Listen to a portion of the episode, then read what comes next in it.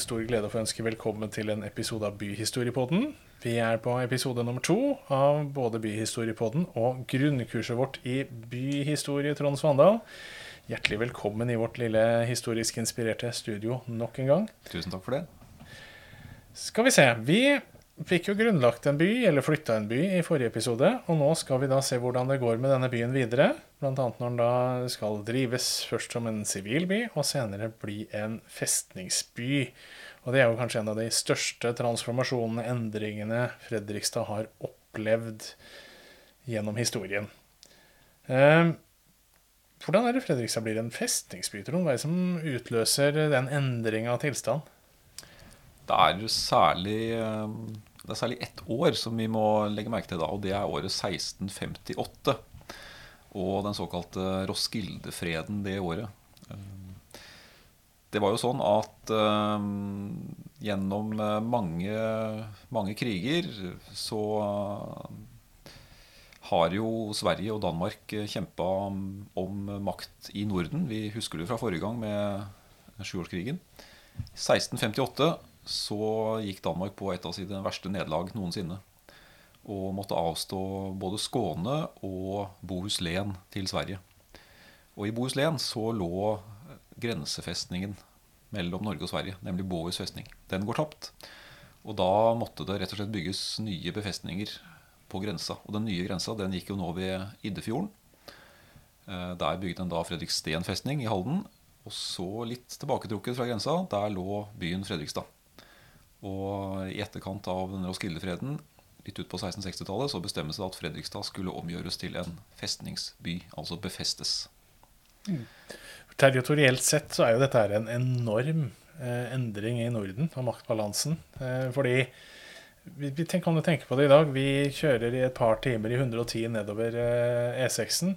Og da er vi egentlig fortsatt nesten i Norge. Da kommer vi omsider nesten til Göteborg, og da er vi eh, ser vi en flott festning som ligger eh, rett ved E6-en og troner over veien der. Og der gikk altså grensa mellom Norge og Sverige fram til freden i Roskilde i 1658. Så det er jo en ganske dramatisk endring. Du brukte stønn på å komme deg fra Bohus festning og eh, hit på den tida, altså. Ja, det er en, en veldig stor endring som skjedde. det. Gjøta elv var den tradisjonelle grense, grenseelva. Og gjennom uh, Roskilde-freden og det som skjedde der, så ble jo også hele maktbalansen i Norden uh, forrykka. Nå var det jo ikke lenger Danmark som tradisjonelt hadde vært den mektigste staten. Nå var det jo Sverige som var på vei til å bli en uh, virkelig stormakt. Ikke bare i Norden, men en europeisk stormakt. Og da er det da Fredrikstad som skal bygges om til festning, i tillegg til at vi da får den store, flotte festningen ved Halden. Altså Fredriksten festning kommer i den samme perioden her. Men Fredrikstad er jo allerede en by. Eh, og vi må se litt på hva slags by er vi opprinnelig har her. Hvilken by er det som skal bygges om til festningsby? Den sivile byen Fredrikstad. Hvor, eh, hvor stor var den blitt nå, Trond? Den var ikke så store greiene på 1500-tallet da den ble grunnlagt. Nei, altså Da på 1560-tallet og utover 1500-tallet eh, så, så, bodde det noen hundre mennesker i Fredrikstad. Kanskje 500-600. Eh, så det, i forhold til eh, byer i dag så var den jo ikke stor. Men norske byer var ikke veldig store på 1500-tallet heller. Bergen var den klart største. Der bodde noen tusen mennesker. Men, men Fredrikstad var jo en, en, liten by. Men det var en ikke ubetydelig by. Den som vi hørte sist, handel var viktig, og um, det var et visst handelsborgerskap også i Fredrikstad på 1500- og inn på 1600-tallet. Eh, og så var det en by, og der var det også embetsmenn og viktige funksjoner. Så, eh, og det var jo ikke mange byer mellom, eh, mellom Oslo og byene nedover i Bohuslän. Uddevalla, Marstrand. Så det er klart Fredrikstad hadde en viktig posisjon sånn sett som du sier, eh, at det ble en festningsby, det er jo den største transformasjonen noensinne. Fra å da ha vært en, ja, en liten, åpen handelsby, så kom det jo noen helt nye regler og noe helt annet som styrte hele bylivet i Fredrikstad etter, eh, etter 1658, eller etter da bygginga av festningen på 1660-tallet. Og, før denne festningen kommer, da, da, driver man jo med handel fortsatt. Man er fortsatt en ganske liten by. Men det nye her er jo kanskje at man etter hvert har kommet seg inn på trelasthandelen også, at den har begynt å bli viktig? Ja, trelasthandelen er jo uh, veldig viktig for utvikling av uh, egentlig det moderne Norge. Uh, fra 1500-tallet så ble jo trelasteksport, altså tømmereksport først, og senere da med planker og bord, saga på oppgangssager ved, ved, elvene og fossene, det ble jo den store eksportartikkelen og skulle bli det i Norge i flere hundre år. Mm. Og Fredrikstad lå jo veldig godt plassert. Eh, ikke med noen foss som vi kunne drive sager akkurat ved byen, men eh, Glomma renner jo ut ved Fredrikstad. Og Glomma var jo en av de store fløtningselvene for tømmer. og eh, Her var det kort vei til sjøen, her var det gode havneforhold. Her lå alt til rette for å kunne eh, drive med tømmer og trelasteksport. Og som vi husker også, Store sagebruk ble det jo altså reist uh, i Sarpefossen og i elvene nordover ved Ågårdselva f.eks. Sande- og solibruk som det senere skulle bli kjent som. Mm. Men dette med oppgangssager og sånn, det er jo noe som er eh, nytt på starten av 1500-tallet. Vi har vel de første rapportene fra Østfold, fra Moss 1503. Så kommer den første oppgangssaga her. Eh, du nevnte også at du har vært på tur i Uddivalla for ikke så lenge siden. Og der ser du at oppgangshagene kanskje var i drift allerede fra 1460-70-tallet. Ja, og det var jo en norsk by på 1400-tallet og 1500-tallet. Så, så, så, her var det i gang. Men oppgangshage er en sånn ganske lett tilgjengelig teknologi. Det er jo ikke noe voldsomt som kreves for å sette opp oppgangshag, så byen fikk jo også konkurranse fra mange bønder ganske lenge. Altså, Bøndene kunne jo skipe om de hadde lov til det eller ikke, det var en annen sak. Men de kunne da i hvert fall lett få saga tømmer og, og sendt det ut litt i konkurranse med byen. Men eh, etter hvert så begynner jo tømmeret langs kysten å bli mindre eh, i omfang. Og da er det jo nettopp denne fløtinga ned Glomma som blir viktig, at man har tilgang på tømmeret fra lenger nordover i landet eh, og innover i landet, som blir en viktig kilde til trelasthandelen eh, med utlandet. Og, hvem, og, vi handler jo med Nederland, Storbritannia Ja. Eh, veldig mye trelasthandel gikk jo til, eh, til, de landene du nevner der. Altså Nederland, Nederland, England. Store sjøfartsnasjoner på 1600-tallet. Eh, men også byer som Amsterdam ble jo i stor grad bygd på, bygd på norsk tømmer. Eh, og, men også Danmark, selvfølgelig, og Tyskland var jo viktige handels eh, mottakere av handel også fra Fredrikstad. Dette her har vi jo ganske god oversikt over, for det fins jo lister over hva som ble solgt. Altså tollister. Så, så, her kan en spore hvor varene fra Fredrikstad også havna. Og så ser vi det litt på de som, som var kjøpmenn og som bodde i byen også. Det kom inn, det bosatte seg både hollendere og engelskmenn. og tyskere og dansker, ikke minst. Eh, vi var i union med Danmark, og det er naturlig at det også kom eh, embetsmenn og kjøpmenn derfra. Det er ikke noe tvil om at Fredrikstad også på den tida her, og kanskje særlig på den tida her, var den lille verdensbyen, for å bruke dagens eh, betegnelse, som noen har funnet opp. På 1600-tallet så var nok Fredrikstad vel så mye en liten verdensby ja, som i dag. Det var en, det var en liten by, men, men, det var absolutt en verdensby. For her bodde det folk fra store deler av hvert fall den nære verden i Europa. Og det var jo mange av dem som også prega byen. Altså, for mange, når vi kommer inn på festningsbyen om litt, så er jo Courcheron og Cicignon det er jo personer som er kjent eh, for mange. Men, typiske eh, norske navn. Ikke typiske norske navn, kanskje. Eh, men den første som får en viss ære for å ha planlagt byen og bygd opp byen, det er en som heter Gelkerk. Ja, Isak van Gelkerk. Heller ikke en en lokalfødt eh, person. Eh, også en av nederlenderne som kommer eh, til, til Danmark og til Norge da midt på 1600-tallet, og som er en, en, sentral person for å bygge ut da festningsverkene. Og da, da, er vi før Fredrikstad ble en festningsby, faktisk. Allerede i 1640-åra så kommer Gelkerk hit og hadde med, seg, hadde med seg noen tegninger og planer men eh, designer nok mye på stedet også. Eh, og da får vi de aller første befestningene under den såkalt uh, Hannibalsfeiden. krigene da midt på 1640-tallet. hvor Fredrikstad var Det var jo en, en viktig by, og en så jo også at den eh, lå utsatt til. Og vi husker jo fra, allerede fra eh, sjuårskrigen på 1560-tallet og 1570 så ble jo byen eh, brent ned av svenskene.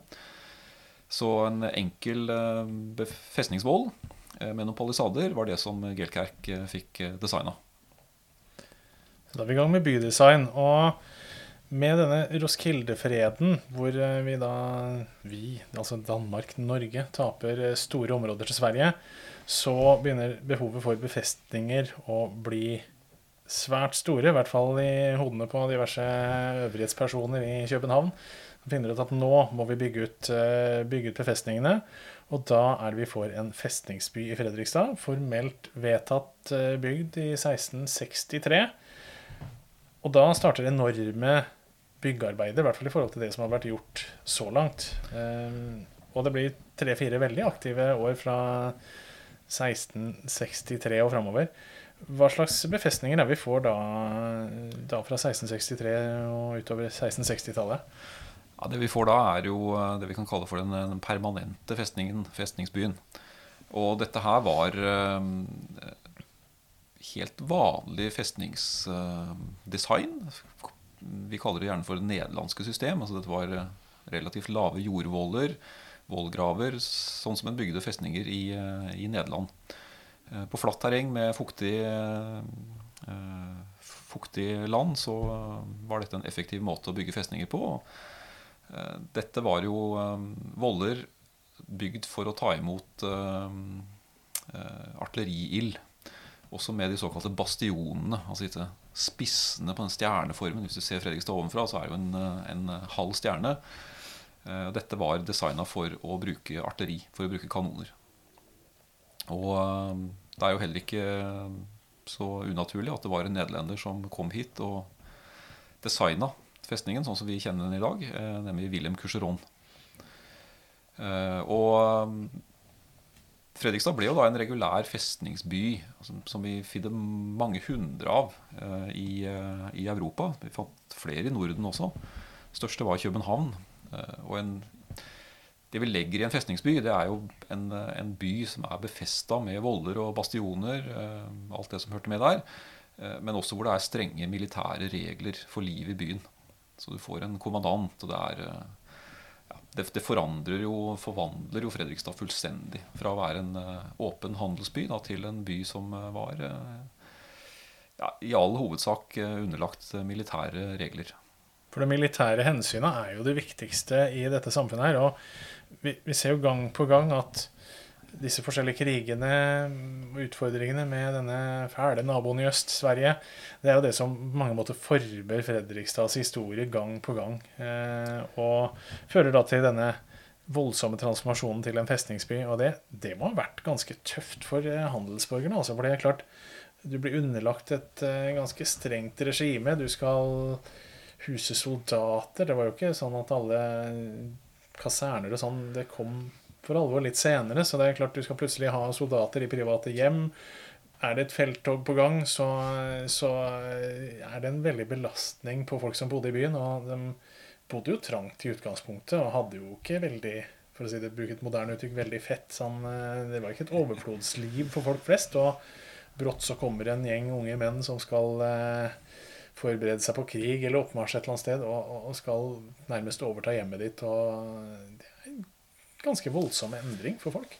Ja, altså, for oss i dag er det helt, eh, helt ufattelig, eh, rett og slett. Eh, Dette var jo De fleste som bodde i byen, var jo ikke velstående. Du hadde noen få rike handelsborgere, men, men de fleste levde jo ikke fra hånd til munn. Så var det jo et Dette var jo et samfunn som skulle klare å berge seg. Et, man drev jordbruk og, og litt småhandel. Og plutselig så kommer det jo hundrevis, tidvis tusenvis av soldater til denne byen her.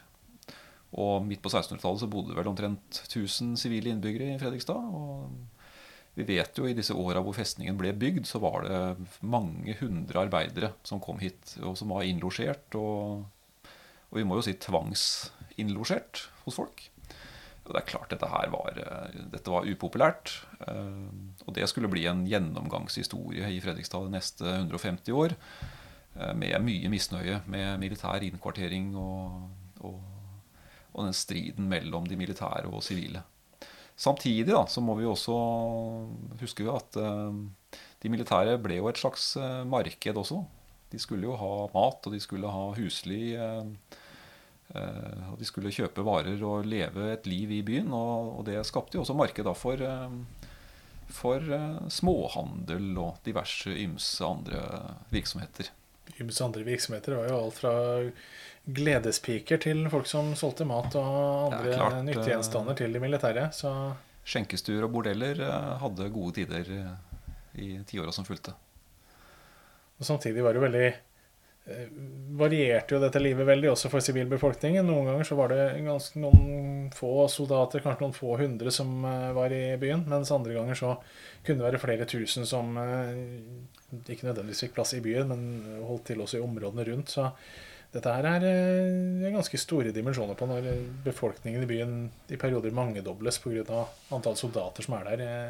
Eh. Ja, det har jo vært uh, I disse krigsperiodene på 1600- og 1700-tallet og tidlig 1800-tall så, så, har det vært voldsomt i noen år. Det er ikke noe tvil om det. Men, men det, det, var et helt annet samfunn. Altså, dette var jo en stat som uh, på slutten av 1600-tallet brukte 80, kanskje opp mot 90% av statsinntektene på militære formål. Så, så det var en, en, helt annen virkelighet enn vi eh, lever i i dag. Hadde kanskje ikke det helt voldsomt utbygde velferdssamfunnet heller i denne perioden her. Så eh, sånn sett så speiler det en annen virkelighet også på det området. Eh, det var ikke så Det er vel aldri noe festlig fest å være fattig, men, men det var nok tøffere tøffere på 1600- og 1700-tallet enn det er i dag, tross alt, sånn tanke på mulighetene for å overleve. Ok, så er det jo sånn at festningen bygges eh, med voller og eh, mye rundt eh, altså i selve byen her. Men så stopper det litt opp etter tre-fire år. Det skjer ikke så mye mer. Man blir ikke helt ferdig med det man har tenkt. Eh, og så er det da selvfølgelig Hva er det som trigger nye utbygginger av festningsanlegg og, og sånne ting? Jo, selvfølgelig en ny krig. Vi får en eh, krig som kalles for Gyldenløvefeiden, i hvert fall den norske delen av den. Eh, men som da gjerne kalles den skånske krigen, som kommer da ut på 1670-tallet.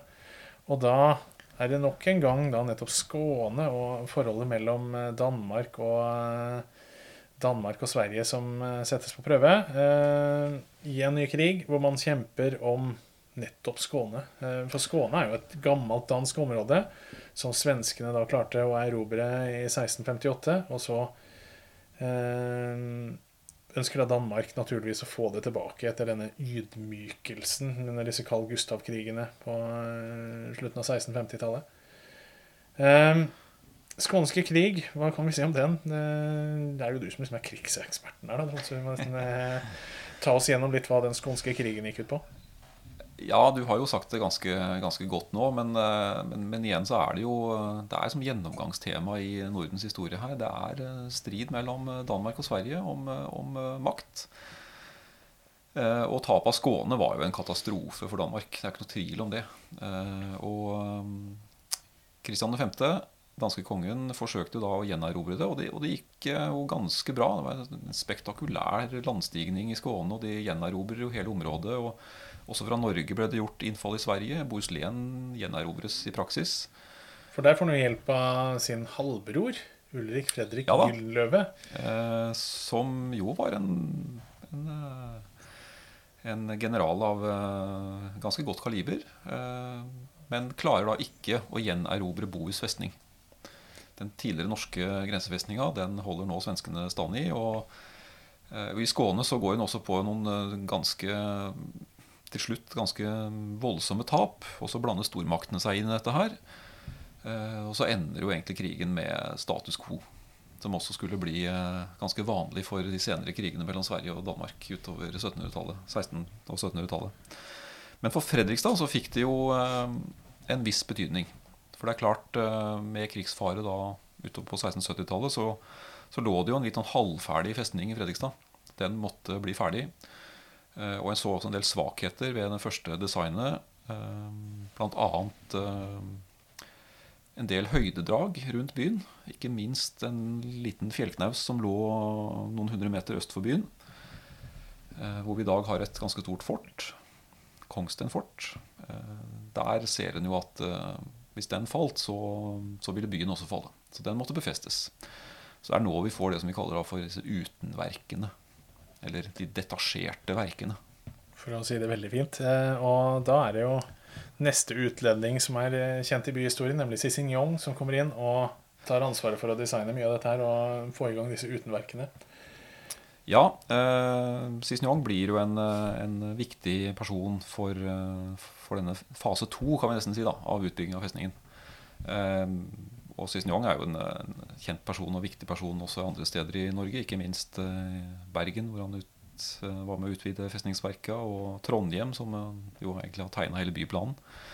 Eh, men også viktig da for Fredrikstad. Og det er jo kanskje Kongsten fort som er hovedverket. Nå skal det vel sies litt om Cicignon at han, han, hadde nok planen, og så var det ikke nødvendigvis han som leda arbeidene. Så Cicignons plan og det faktiske fortet ser nok litt annerledes ut. Men, men det var han som hadde overoppsynet og hovedansvaret. Han ble jo også en markant personlighet i byen i de åra han bodde her. Han bodde jo på Trosvik. Helt, helt klart. Uh, ja. Hadde med seg sin religion. Luxembourg er jo der han kommer fra opprinnelig. Stormakten ja. Luxembourg. Uh, Men en type sånn karriereoffiser. Uh, vært flere steder i Europa, kommer til Danmark og gjør det vel ikke veldig godt i slaget Lund, og kommer da til Fredrikstad i etterkant.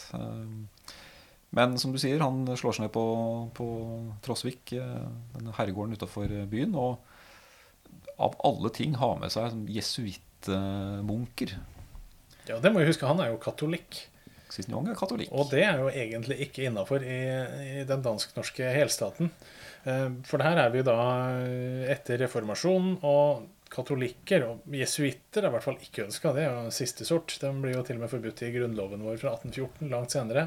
Ja, men katolikker har man et anstrengt forhold til. Men i, en, i, krig og kjærlighet er alt lov, og særlig i krig så får man lov til mye hvis man har de rette ferdighetene. Og også generelt i Fredrikstad, det kan vi jo nevne også, at eh, man har jo til en viss grad en religionsfrihet i byene. altså Det er jo en viktig, eh, viktig funksjon byene har. At der er det litt større rom for å være annerledes enn i områdene rundt. Og at man da kunne også tilføre, tilhøre andre konfesjoner enn den lutherske. da.